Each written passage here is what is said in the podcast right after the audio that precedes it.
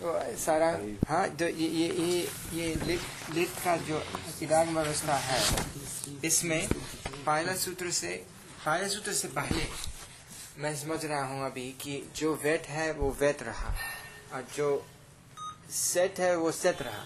केवल अनिट की बात है कि जो आठ अनिट जो जो आठ क्रियात है। उनके अलावा सब सेट हो गए। जो यही बात है।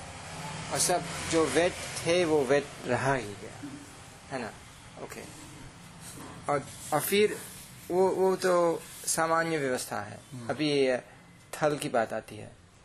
और थल में जो अजंत धातु है तासी जो अजंत धातुएँ हैं उन लोगों की व्यवस्था थली के लिए हो गया। ये व्यवस्था में जो थल थल में वो वो वो हो आ जा आ गया इसमें।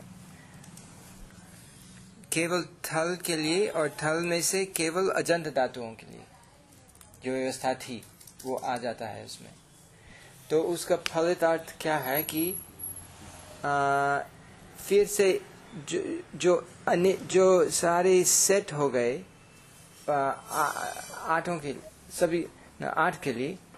आठ तो अनिट हो आठ गए अनिट। क्रादि आठ अनिट हो गए।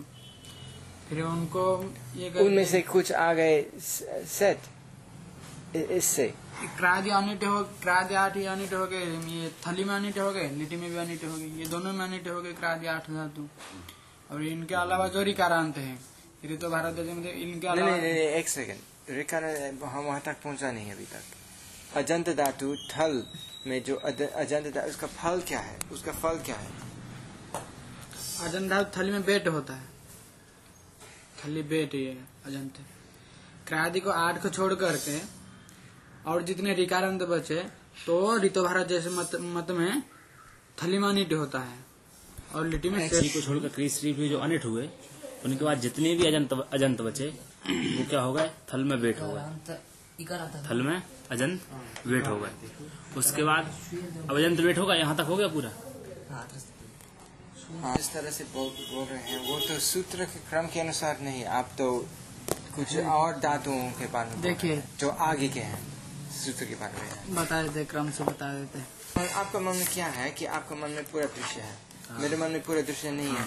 तो आप जिसका ज़िक्र कर रहे हैं मुझे कुछ पता नहीं है अभी इसके बारे में। देखिए जो सामान्य तो जो सेट है वो सेट है। और जो बेट है वो बेट है। अब अनिट की बात लीजिए जो क्रादि आठ धातु अनिट क्रादि आठ धातु है। क्रिश्री क्रिश्री भ्री भ्रीस्तु क्रिश्री भ्री भ्रीस्तु द्रु श्रु श्रुवो लिटि ये जो आठ धातु है क्रादि है ये अनिट है। ये आठ धातु अनिट है। बाकी सेट बाकी सब सेट हो गए। ठीक है। इनके अलावा बाकी सभी हाँ, अजंत सेट हो गए। अजंत खाली सेट होंगे या अजंत नहीं सब? नहीं सब। सब सेट हो अजंत जाएँगे नहीं सब हैं? सब सब हो सेट हो जाएँगे सब सेट सेट हो गए। हलंत अजंत हाँ सब सेट हो गए। तब आया ऋतु भारद्वाज ठीक है? नहीं तब आया अच्छा अच्छा स्थास्थल्य अच्छा हाँ। इसकी बात करें। ठीक है। अच्छा निटो नित्यम। ये क्या है ताश में नित्य? जो अजंत धातु ताश ताश में में नित्य नित्य नित्य अनिट है वो थल में भी नित्य अनिट रहता है। ठीक है। थल में नित्य तो तो तो तो क्या हुआ कि सातों के लिए बताया गया सातों के लिए बताया गया कि केवल आठ अनिट है हाँ। और बाकी सब कुछ सेट है। सेट है। और अभी ये जो दृश्य हो गया हाँ। इस इसमें से हम लोग कह रहे हैं कि अभी- सात प्रत्ययों में से एक के लिए हाँ, दोनों भाग हो गया। एक थली हो गया वो ये एक में से तो ये अभी अभी तक आठ सबों के लिए आठ हाँ। अनिट है और बाकी सब सेट और जब एक प्रत्यय की बात आ गई तो क्या हुआ? वो आठ अनिट और सब सब बाकी सब सेट हाँ। तो फिर एक कुछ कुछ सेट में से कुछ अनिट में अनिट में आ गया?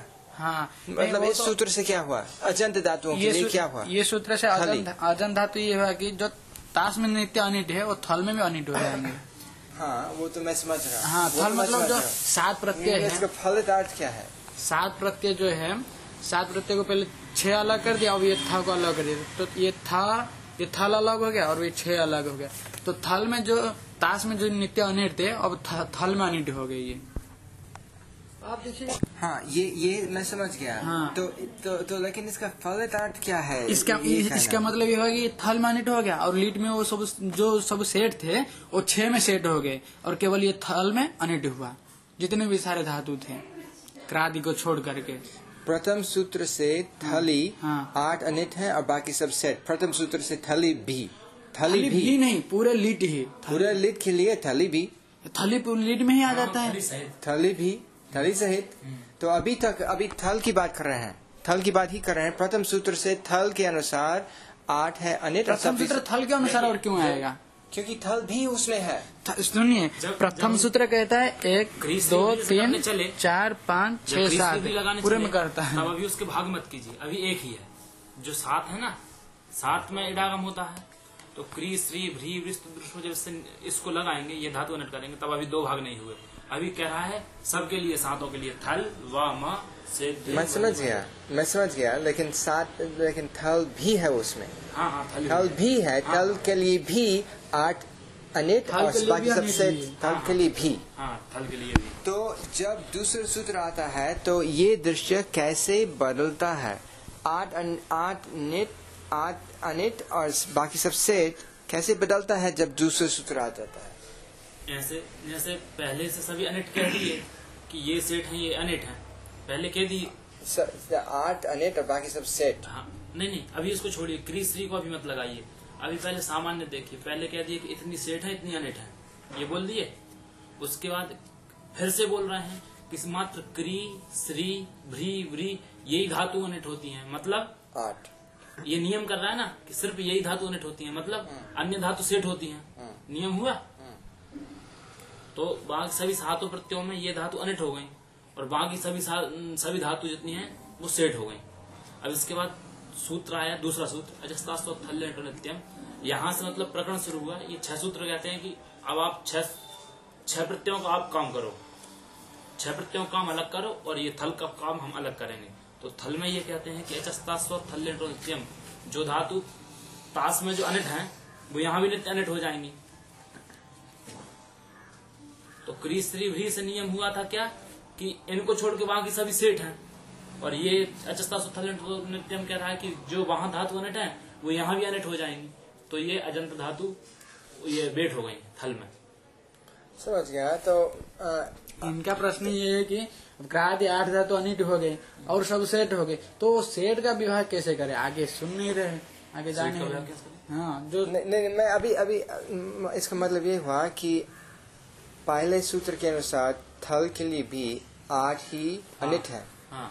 और दूसरे सूत्र का प्रभाव यही है कि अजंत धातुओं के लिए हाँ। थली बहुत सारी धातु और अनिट के क्षेत्र में आ गए। पहले तो थल के लिए भी केवल आठ अनिट थे। केवल आठ अनिट थे थल के लिए भी। हाँ। लेकिन दूसरे सूत्र का प्रभाव ये है कि जितने अनिट हैं अजंत धातु में ये भी इस इस अनिट क्षेत्र में आ गए। है ना? हम्म। आप मेरी बात समझ रहे हैं कि नहीं? मैं आपकी बात समझ नहीं पा रहा। जो एक बात तो शुरू समझ सुने।